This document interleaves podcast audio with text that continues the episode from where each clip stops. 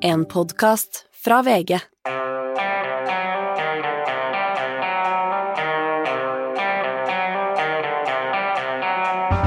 Ikke visste jeg at alle disse dagene som kom og gikk, de var selve uke 21. Og hvis jeg har telt riktig, Hanne, så er vi nå halvveis i de der fridagsukene i mai. Ja. Eh, Eller vi, vi, vi runda, og vi er, på, vi er på den rette Det er bare én fridag igjen i mai nå. Jippi, bare én fridag. Bare da kan vi jobbe fridag, alle de andre dagene. Det er Ja, helt supert. Skal jeg være helt 100% ærlig, eh, så med mindre det har skjedd noe veldig stort Hvis du hører akkurat dette her, eh, så er ikke vi på jobb i dag heller, fordi dette har vi da tatt opp på onsdag. Bortsett at jeg er på jobb på fredag. Ja, vi, altså, vi er på jobb, eh, Magne, Magne og jeg også, så, så hvis store ting skjer, men da hører du ikke dette, så da er dette, da er dette sånn de må finne fram når de skriver historien om Vever og gjengen i, i, I arkivene. Og, ja, ikke sant. Eh, En episode som ikke ble sendt og, og i det hele tatt. Eller at den blir lagt ut ved en feil. Så hvis, men hvis det er, blir fred i Ukraina eller et eller annet sånne store ting, så, så hører du ikke dette her. Så vi får håpe du ikke hører dette her. Nei. Sånn sett. At det blir en fredelig Nå rører jeg fælt. Det er helt ok. Det er inneklemt fredag. Men uh, vi har selvfølgelig en, en strålende sending til dere for det. Vi skal snakke om uh, dronningjubileet litt seinere. Det er dronningjubileum i England. Hun har nå re- regjert i nærmere 3000 år. Uh, og så skal vi snakke om at fremtiden kanskje ikke ser så lys ut. Eh, Torbjørn Røe Isaksen, eh, vår kollega i E24 kommer. Han hadde et bilde på morgenmøtet vårt her eh, for noen dager siden av at vi er der Husker du de der Bippe Stankelben og Per Ulv-filmene, Hanne? Ja, ja. Hvor av og til når Per Ulv går ut, utfor stupet, så går han ut og så blir han stående i løse luften og faller ikke før han oppdager at han står i løse luften.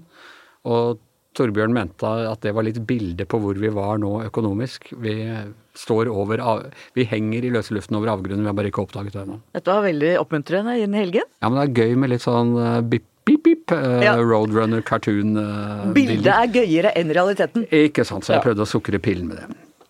Eh, og så skal du, eller du eh, jobber med din, eh, din eh, lørdagskommentar, som du altså da skal skrive ferdig på fredag. Men eh, hva er det du jobber med?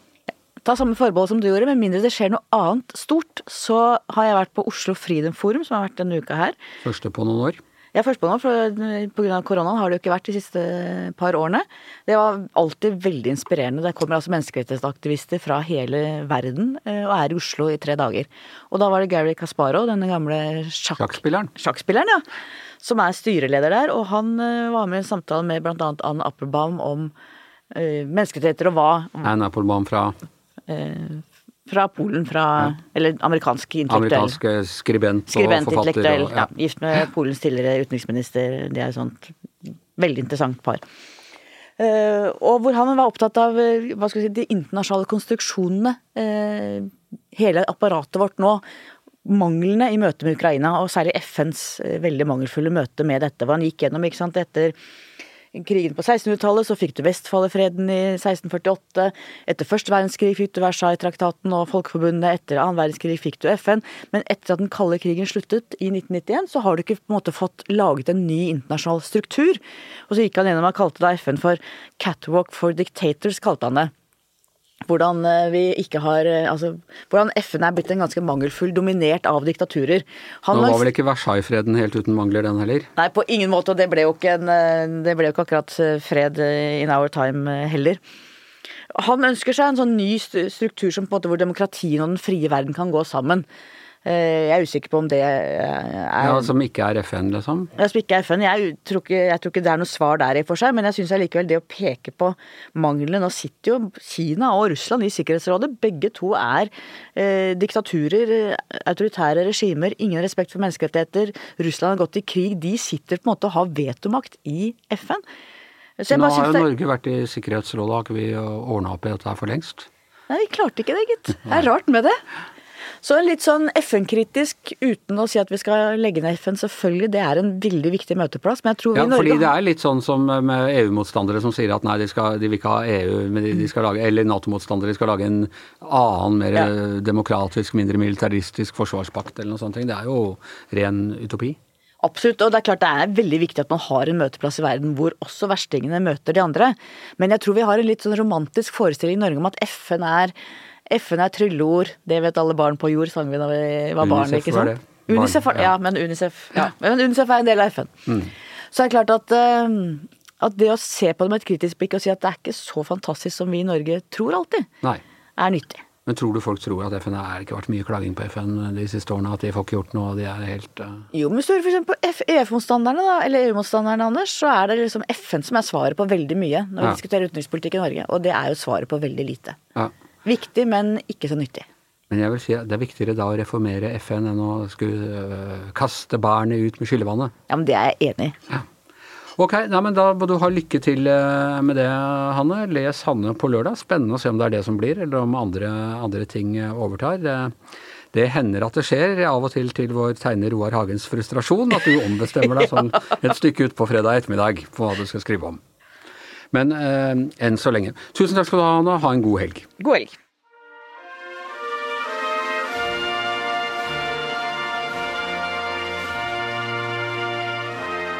Ja, ikke Benny Hill-musikken denne gang, men eh, dronning, dronningsangen 'Long May She Rain Over Us'. Jeg syns jeg setter veldig pris på at du spiller en vignett hver gang jeg hjemme i studio. Det er, eh, Den varierer litt med de forskjellige britene du skal presentere, Yngve. Men, eh, men altså uh, 'Long May She Rain Over Us', der har dama levert, det må man kunne si. Dara, hun er den lengstsittende monark nå i eh, Noensinne. Ja, faktisk. Eh, 6. februar i år så hadde hun altså vært dronning i 70 år, og innleder da i neste uke da sitt platinajubileum som den første monark overhodet. Ja. Og hun eh, eh, Victoria, som jo også satt i et par hundre år, eh, eller hvor lenge satt hun? Nei, hun, hun, hun satt lenge, så hun har jo vært den nest lengst regjerende, men, eh, men eh, det er jo noen år siden at hun ble passert av sitt eh, tipp-tipp-tippoldebarn. Ja. Og man, man har jo ofte hevdet at sånne kongefamilier og sånn at det er mye innavl og sånne ting, men hun Det er god levealder og bra stamina på disse, denne Windsor-familien. Ja, og det De har gode gener. De blir, de blir gammel. Altså mora til dronning Elisabeth, eh, som også het Elisabeth og var dronning, hun sa jo at hemmeligheten bak hennes høye alder, det var en, et daglig inntak av gin and tonic uten tonic. Det var visstnok 30% gin og 70% Dubonnet. Ok, Og hun ble over 100 år. Hun ble 102 år. Ja. Og dronningen nå, hun er Hun er 96. Ja. Så altså hun var Hun hadde vært eh, hun har vært dronning over ti år, eller rundt ti år da jeg, da jeg ble født, og enda litt lenger da, da du ble født. Eh, Jeg husker jo godt eh, 25-årsjubileet hennes, for det var det året med Sex Pistols og punken og God Save the Queen og There's No Future for You. Må jo si at det var mer future for dronning Elizabeth enn det var for Sex Pistols. Ja, hun var jo outlived, som det heter opp for de aller fleste. Og, så, og, og, det, og det er jo si at, altså, Hun er jo faktisk det siste eh, gjenlevende forbindelse, eller siste levende forbindelse mellom imperiet og imperiets storhet og det moderne Storbritannia. Og, Fordi imperiet var fortsatt uh, funksjonelt. ja, eh. absolutt. Altså, hun overtok jo et imperium. Hun reiste jo rundt i disse samveldestatene. Og det var jo under en sånn reise også at hun at hun fikk dødsbudskapet om sin øh, far da, i 1952. Og dette vet vi alle, det er ikke bare du som kjenner til lenger, fordi nå har det kommet en, eh, denne TV-serien Ja. eh, som heter eh, The Crown. eh, Som rett og slett er en sånn saga om henne i er det fire sesonger det har vært nå? Ja, altså det er jo en, det som er interessant med The Crown, er jo at altså det, det, er jo, det er jo fiksjon. Men det er jo, det er biografisk fiksjon. og og sjøl om uh, veldig mange ting er litt sånn stok, altså, stokka litt på kronologisk Det er så- eventyrfortelling Ja, om så har det faktisk skjedd. Ja. Om, Kanskje ikke den rekkefølgen, og kanskje ikke i samme episode, for å si det sånn, men, men, men de bygger på faktiske eh, handlinger. Og, og en sånn kongeekspert eh, som Hugo Vickers, altså, som er liksom kanskje den fremste i Storbritannia akkurat i dag, han, han har jo en gjennomgang av hver eneste sesong når det blir lagt ut på, på, på Netflix. Og han, han har jo til dags dato ikke funnet en eneste direkte feil, eh, til tross for at noen ting har som sagt er blitt bytta litt om på. Men det, det er litt sånn det, som at han var arbeidsleder som tok seg inn på Buckingham Palace. Han møtte aldri dronningen. Nei.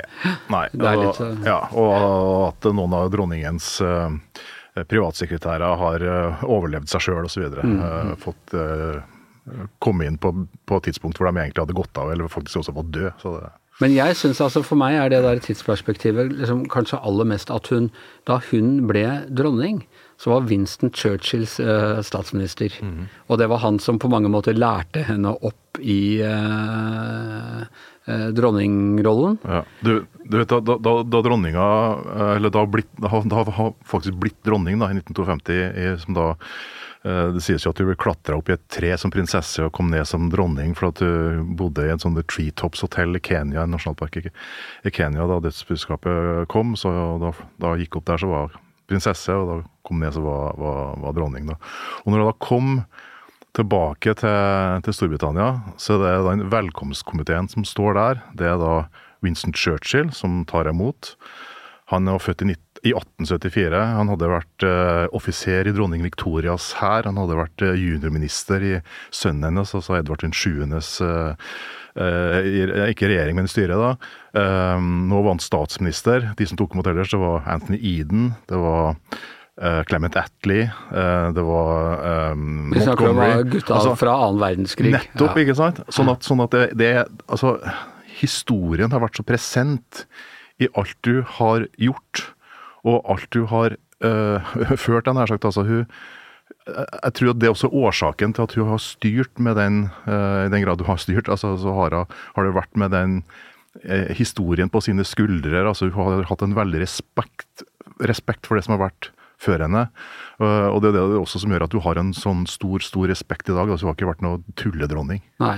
Og så er det jo eh, for deg og meg og generasjonen som kommer etter oss, eh, imperiet som du sa mm. ble avviklet, England har fått mindre og mindre utenrikspolitisk betydning i løpet av, eh, av den tiden.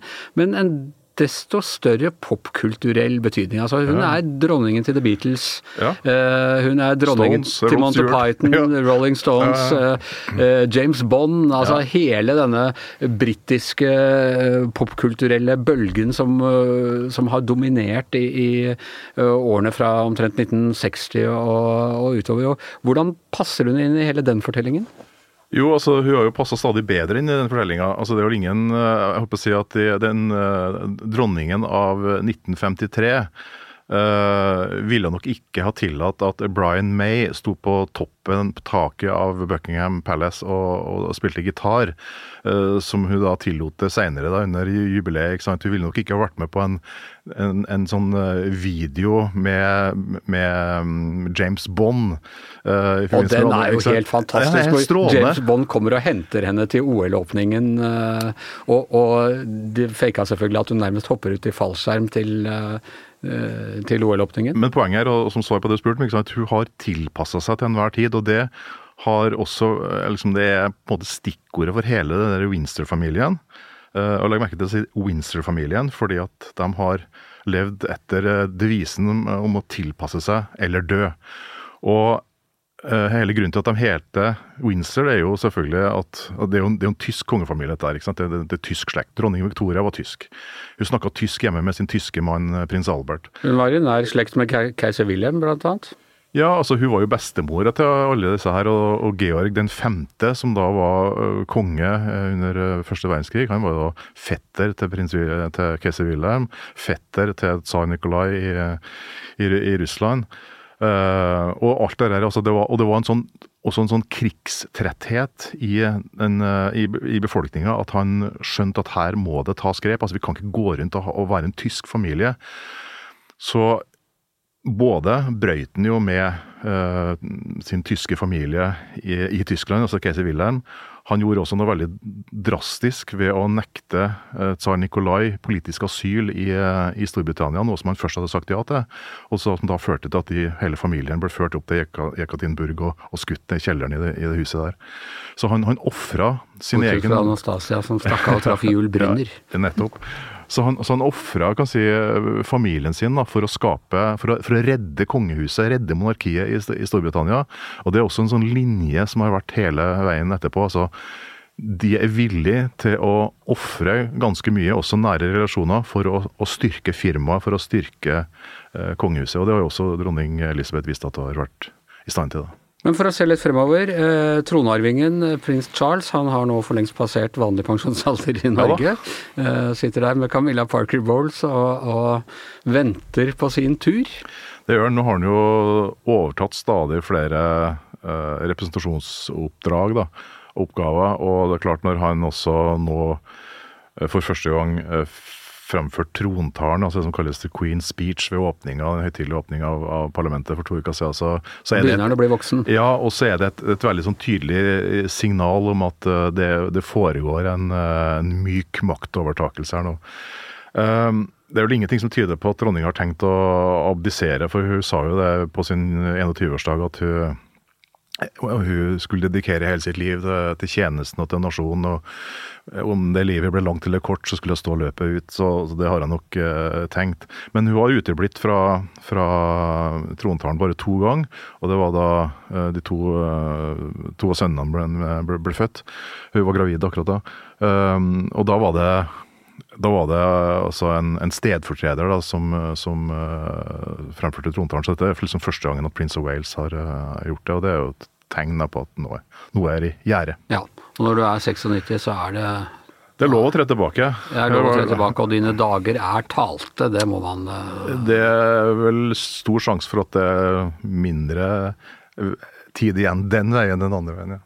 Hun var jo også kusine av vår kong Olav tett på egentlig familierelasjonene til det norske kongehuset? Ja, det, også, også, men sånn var det jo med kongehusene. ikke sant? De, de gifta seg med, med hverandre. Ja.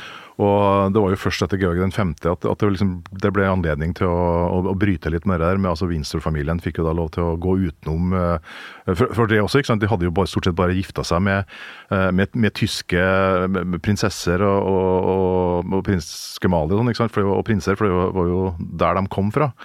Ehm, så Ja, også etter, etter, etter, eh, første verdenskrig så var det jo veldig mange monarki og kongehus som forsvant. ikke sant? Det var, det var ni kongefamilier som mista jobben uh, i hele Europa. Men du, neste uke, når da jubileet inntreffer, det blir vel litt pomp and circumstances i anledningen? Hva ja, skal skje? Det er en stor fest som starter torsdag 2. juni, og så varer til og med helga. Det er sånn utvida bank holiday, som det i, i UK. Det skal være konserter, det skal være festivitas, det skal være mottakelser, det skal være banketter. Det skal, og det, er faktisk, det skjer arrangement over hele, hele kongeriket. Og da kommer vel ikke James Bond, for han er jo død? James Bond kommer ikke, men, eh, men Cliff Richard kommer. Sir Cliff. Sir Cliff, vet du. Og du vet at det der er jo Kommer litt sånn, Johnny Rotten? det er litt morsomt det med, med, med Sir Cliff, for at eh, det var en sånn kommentator i, i, Daily Telegraph som skrev liksom 'Fri dronninga fra Cliff Richard'. For at han, han stiller opp, han blir invitert til å være med på hvert eneste altså, jubileum. og det, altså og det er ingenting som tyder på at dronninga er så forferdelig begeistra for Cliff Richard. Hun var det én gang, de møttes én gang, og det var etter liksom Summer Holiday. Hilton, Hiten Summer Holiday i 1962. Nettopp, ja. og filmen ikke minst. Sånn at, mm. sånn at, og da hadde uttrykt at dette var hyggelig. Da, og det har da hefta ved henne hele veien. Så kanskje burde de ha vist litt, litt mer oppfinnsomhet. Samtidig så er jo også han en som har, har, har, vært med ganske lenge. Paul McCartney, kommer han? Nei, vet du, han er ikke invitert. Han er ikke yes. en del av eh, det, det hovedprogrammet. Det er, det er opptil flere av de gammelstøtene der som mangler, men Cliff Richard det ser Jeg velger Cliff Richard over Paul McCartney, så, så, jeg, da vet jeg ikke om jeg gidder å se på. Så Nei. det ikke noe som James Bond er død. Nei, ikke sant. Så, men så er det jo også et spørsmål om hvor mange av de arrangementene som uh, dronningen sjøl dukker opp på. da, fordi at hun er jo Hun har hatt covid. Uh, hun var jo borte borte ut av, eh, av publikums åsyn i, i, to måneder før jeg dukka på dette hestearrangementet for 14 eh, dager siden. Da så hun veldig fresh ut, da. Men hun er klart hun er svekka. Som du sier, hun er 96 år. Eh, hun har lov til å ta det litt mer med ro. Og, og så, så Buckingham Palace har sagt at de vil annonsere fra dag til dag hvilke arrangement hun eventuelt vil dukke på, opp på. Og så langt så ser det ut som at hun vil være med på den der, selve hovedmarkeringa med resten av dignitærene. Så, men jeg tror at det blir en stor fest i Storbritannia for det. Det blir stas. For oss som husker 25-årsjubileet, dette må jo bli tre ganger så bra. så, så, så, det blir spennende. Tusen takk skal du ha, Yngve Kvistad. Ok, eh, fremtiden for eh, det britiske monarkiet er nå én ting. Det, det vi kan være sikre på, det kommer til å overleve den neste økonomiske krisa i Vesten, men når kommer den? Altså Torbjørn Røe Isaksen, velkommen. Takk.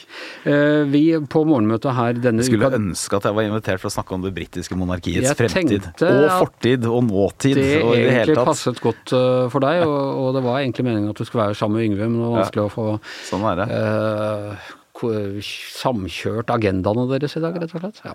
Så sånn er det. Så det får bli ved neste jubileum, når dronningen blir 100. Men øh, jo, nei, krise. Altså øh, The Great Reset, den har det vært snakka om, om, lenge i i Vestens økonomi, og det, er selvfølgelig nå, nå framskyndet med altså fare for matvarekrise, varekrise, energikrise. Og på et av morgenmøtene vi hadde i kommentaravdelingen denne uka, så sammenlignet sammenlignet jo det er et bilde jeg er veldig svak for. Bippe Stankelben-videoene. Willy Coyote som Per Ulv, som går utfor kanten av stupet. Og så det, står han der et lite øyeblikk før han skjønner at han bare henger i løs lufta, når han oppdager Men han fortsetter å løpe? Ja, ja fortsetter å løpe, eller står liksom litt sånn forvirret. Ja. Og så i det øyeblikket han opp, uh, så prøver han desperat å løpe tilbake, men da er det for sent. Er det for sent. Tyngdekraften tar han. Ja. Og du mener at der er vi nå, eller du Ja, det kan godt hende, i hvert fall. Ja. Uh, for, det, for det, det, som er det rare, altså det, det, det, første som er rart, bare i introduksjonen din, er ikke for å kritisere verten, men, men det er jo at vi glemmer jo nesten at vi har jo akkurat ferdig med en pandemi. ikke sant? Som er et av de, altså I Norge så var det det største tilbakeslaget for økonomien vår siden krigen. altså Det største vi har hatt i fredstid. Eh, på, og har skapt denne vare, varekrisen. Ikke sant, og har bidratt til denne varekrisen og sånn. Men så har jo da Eh, så kom liksom, var liksom nyhetene etter pandemien det var at nå går det for fullt. Nå starter vi opp, og folk har penger å bruke, og ledigheten synker, og alt går bra. Ergo, her løper vi fort. Og dette kjenner vi igjen fra norsk debatt også. ikke sant? Når Trygve Slagsvold Vedum, Vedum helt riktig sier at ikke bare er ledigheten lav, men norsk økonomi går så det suser, så betyr det at eh, alle de som løper kan, de løper, for å si det litt enkelt. Og så plutselig nå i løpet av bare Eller plutselig, altså i hvert fall har det vært et markant skifte nå i løpet av bare siste måneden. Delvis skyldes det krigen i Ukraina, men det er også mange andre ting som spiller inn. Hvor stadig flere nå snakker om resesjon, og hva er det for noe? Det betyr rett og slett at økonomien krymper. Eh, og paradokset er jo da at sånn på overflaten og det er her eh, Per Ulv kommer igjen. For på overflaten så fortsetter vi å løpe, ikke sant? Så, så, også i de landene som har eh, kjempehøy inflasjon eller prisstigning, i USA f.eks., så går jo økonomien tilsynelatende altså fortsatt bra. Ja, det er nye ledighet Og nye arbeidsplasser og sånn. Men stadig flere sier nå at vi kommer til å falle. Så det kan hende at vi nå er på det punktet hvor vi står og løper i lufta. Så vil dette se litt annerledes ut i Norge enn i USA, eh, eller i EU eller andre deler av verden. Men eh, når, når på, på denne hva skal man kalle det for noe, Davos-konferansen, World Economic Forum. Eh, en samling av det er, det er, ikke folk flest, det er ikke vanlige folks tur på Davos, for Nei. å si det sånn. Eh, der eh, leste jeg om de hadde hatt en håndsopprekning nå i en, en sal med mange kompetente fagfolk, hvor halvparten rakk opp hånda da de ble spurt om de trodde det kom en resesjon, altså et alvorlig tilbakeskritt.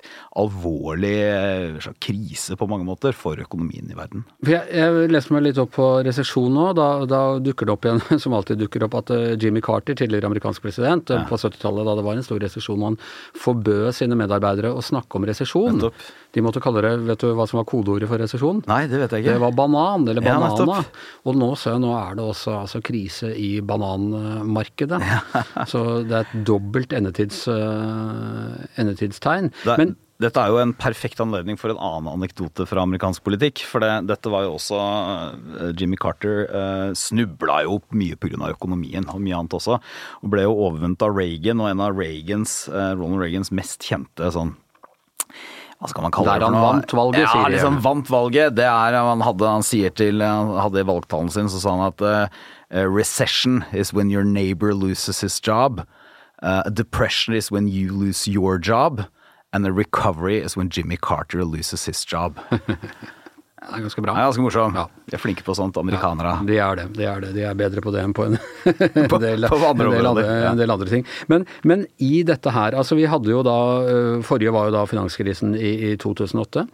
Da kom Norge veldig godt ut. Startet øh, klassisk sosialdemokratisk motkonjunkturpolitikk, som det er dine tidligere arbeidsgiver egentlig i utgangspunktet ikke er så glad i. Eh, og det har vi penger til nå også. Samt at øh, noe av krisen er jo da en energikrise, og vi, selv om strømprisene er dyre her, så tjener vi, altså vi som i det store vi i Norge, penger under Vi, vi disse gjør det. Vi tjener penger som gress, men der kommer jo også på mange måter dilemmaet vårt, da. For det at eh, når alle Altså Nå er det ikke sånn at eh, alle som jobber, eh, eller kan jobbe, jobber. ikke sant? Men, men når eh, La oss si det. Det er liksom i praksis at du får ikke liksom tak i flere inn i norsk økonomi. Du får ikke flere eh, til å jobbe. Så betyr det at hvis du bare pumper inn mer penger, eh, så får du jo ikke flere bakere eller eh, sykepleiere på kort sikt i hvert fall. Da får du bare høyere priser på ting. Så, så dilemmaet for, for regjeringa, også i Norge, som da de fleste økonomer mener at vi kommer nok ikke inn i en resesjon, men dilemmaet for Norge det er at selv om vi tjener masse penger, og selv om det skulle komme en slump i verdensøkonomien som også påvirker oss, så, så vil det i hvert fall på kort sikt være veldig farlig å bruke mye mer penger fordi norsk økonomi fortsatt går så bra. Og økonomi er jo ikke noe sånn, det er jo ikke finmekanikk dette her. Det er jo ikke et sveitsisk lommeur. Det er ganske rotete, og det er vel nesten er det mer å sammenligne å forsøke å fikse et sveitsisk lommeur med en slegge, enn det er å prøve å fikse det med en liten tang og pinsett, eller hva, skrujern, eller hva du nå bruker for noe. Um, så, så det, er ikke, det, er, eh, det er ikke dystre utsikter for Norge. Vi går fortsatt så det suser. Men for, for verden så kan det nå plutselig se litt mørkt ut. Og så er det en annen ting som kommer på toppen av dette, og det er at det er riktignok lenge siden den siste økonomiske krisen som var rent økonomisk, men eh, vi kom jo, har jo akkurat kommet ut av en pandemi. Og i Norge så har det jo nesten vært kriser nå hvert annet år. Altså Før var kriser noe vi hadde en gang hvert tiende år. Nå hadde vi, da jeg var i regjering eh, med, med Erna Solberg som sjef, så var det oljeprisfall og det var flyktningekrise, og så kom det pandemi, og så var det alltid noe valg innimellom. Og da er jo spørsmålet eh, Når vi i alle de krisene bruker mer penger, Eh, Og vi får nesten ikke tid til å trekke ned pengebruken fra pandemien engang før vi har nye kriser som vi skal bruke mer penger på. Er det holdbart i lengden? Og det er det nok neppe. Og nå, men nå som du ikke lenger er bundet av partiprogrammer, landsmøtevedtak og, og ideologi eller noe som helst, men er en fri journalist, Ja. da kan du si hva, hva bør gjøres uten hensyn Nei, altså til det, det, jeg, kan, jeg kan si at uh, jeg, Dette kan jeg si klarere enn jeg har gjort før. Det er vel antydet og sånn, men jeg syns også at den regjeringa jeg satt i, brukte for mye penger. Og så er det klart at det er alltid, alltid liksom fristende, og det er enkelt der og da. og Jeg som politiker slåss jo alltid for mer penger til det jeg satt og styrte, ikke sant. Sånn er det jo ofte, selv om man også må kutte. Men, men problemet kommer, kommer fordi at eh, man tenker, man tenker ikke helt langsiktig nok, da. ikke sant? Så etter at flyktningkrisen kom, så bruker man da masse penger, og så trekker man en del ned, og så blir det litt fett igjen. Og så kommer det en pandemi, bruker himla mye penger, i og for seg riktig, men så får man egentlig ikke trukket det ned igjen før det kommer strømkrise og, og Ukraina-krise, som igjen betyr at vi må bruke mer. Så den derre tanken om at vi på et eller annet punkt skal tilbake til en normal i hermetegn pengebruk, blir jo stadig mer fjern.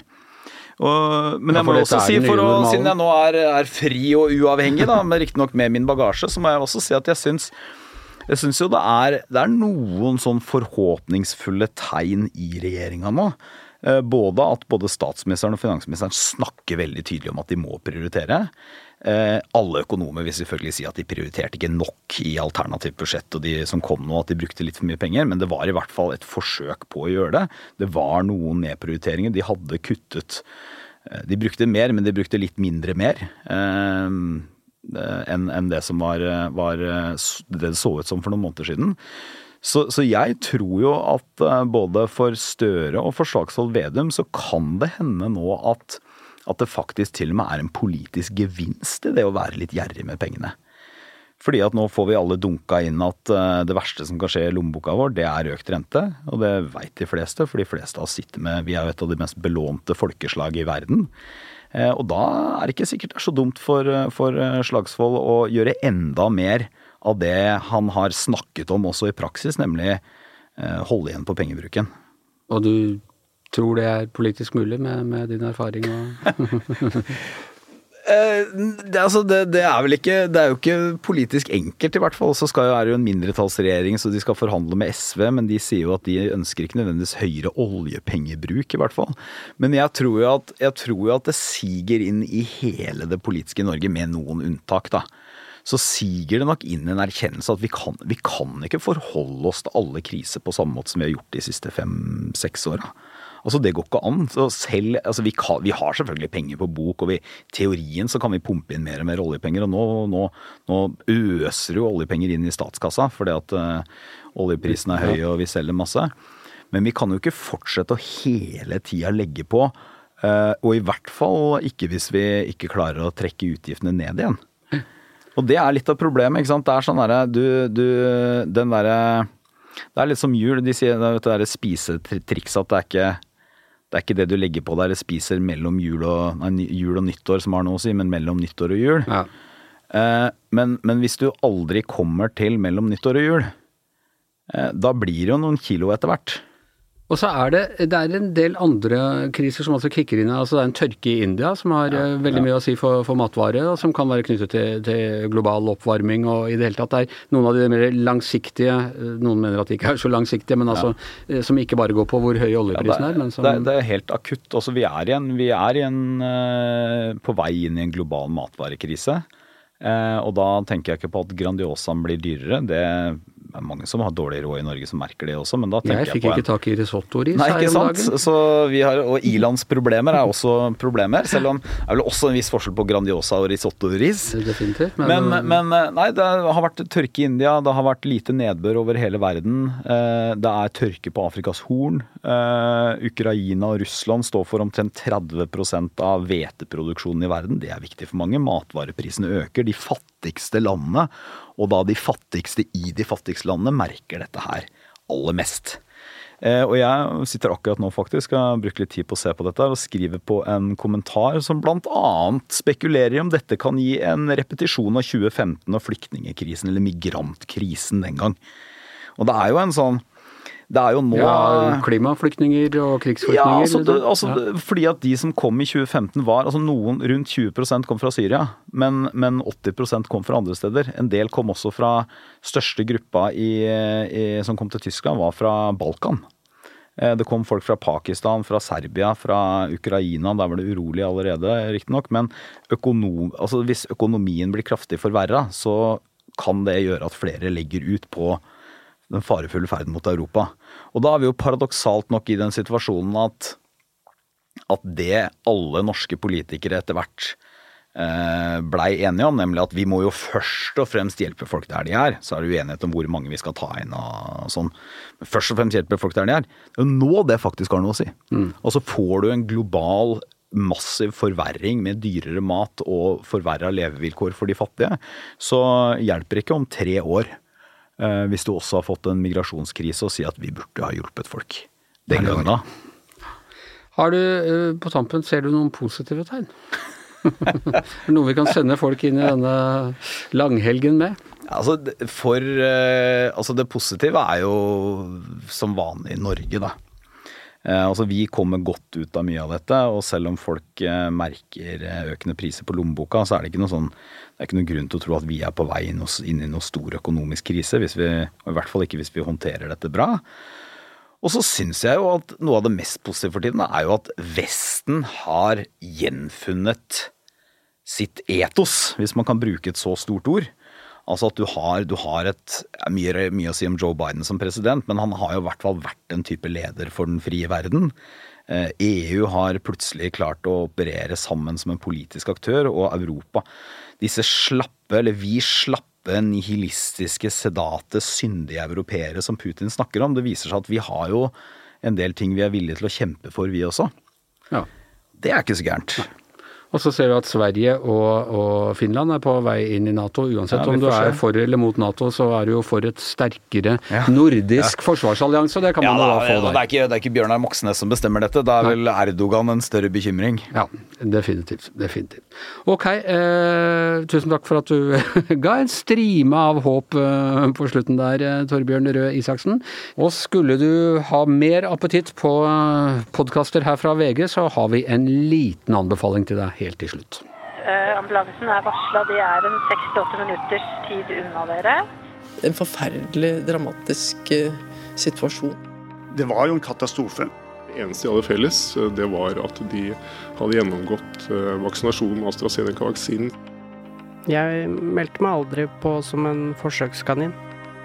Her skjer det en stor katastrofe i hjernen. Hør podkastserien 'Katastrofe i hjernen', hvor du får høre ufortalte historier fra de dramatiske ukene i mars i fjor, da friske unge mennesker plutselig døde. Hele serien finner du på VG+, eller på Podme. Giæver og gjengen er eh, over for denne uka. Tusen takk til Hanne Skartveit, tusen takk til Yngve Kvistad, takk til Torbjørn Røe Isaksen. Jeg heter Anders Giæver, og mannen som sørger for at vi holder oss spinnende i lufta selv om vi for lengst har passert kanten på stupet, er som vanlig produsent Magne Anton. Du har hørt en podkast fra VG. Ansvarlig redaktør, Gard Steiro.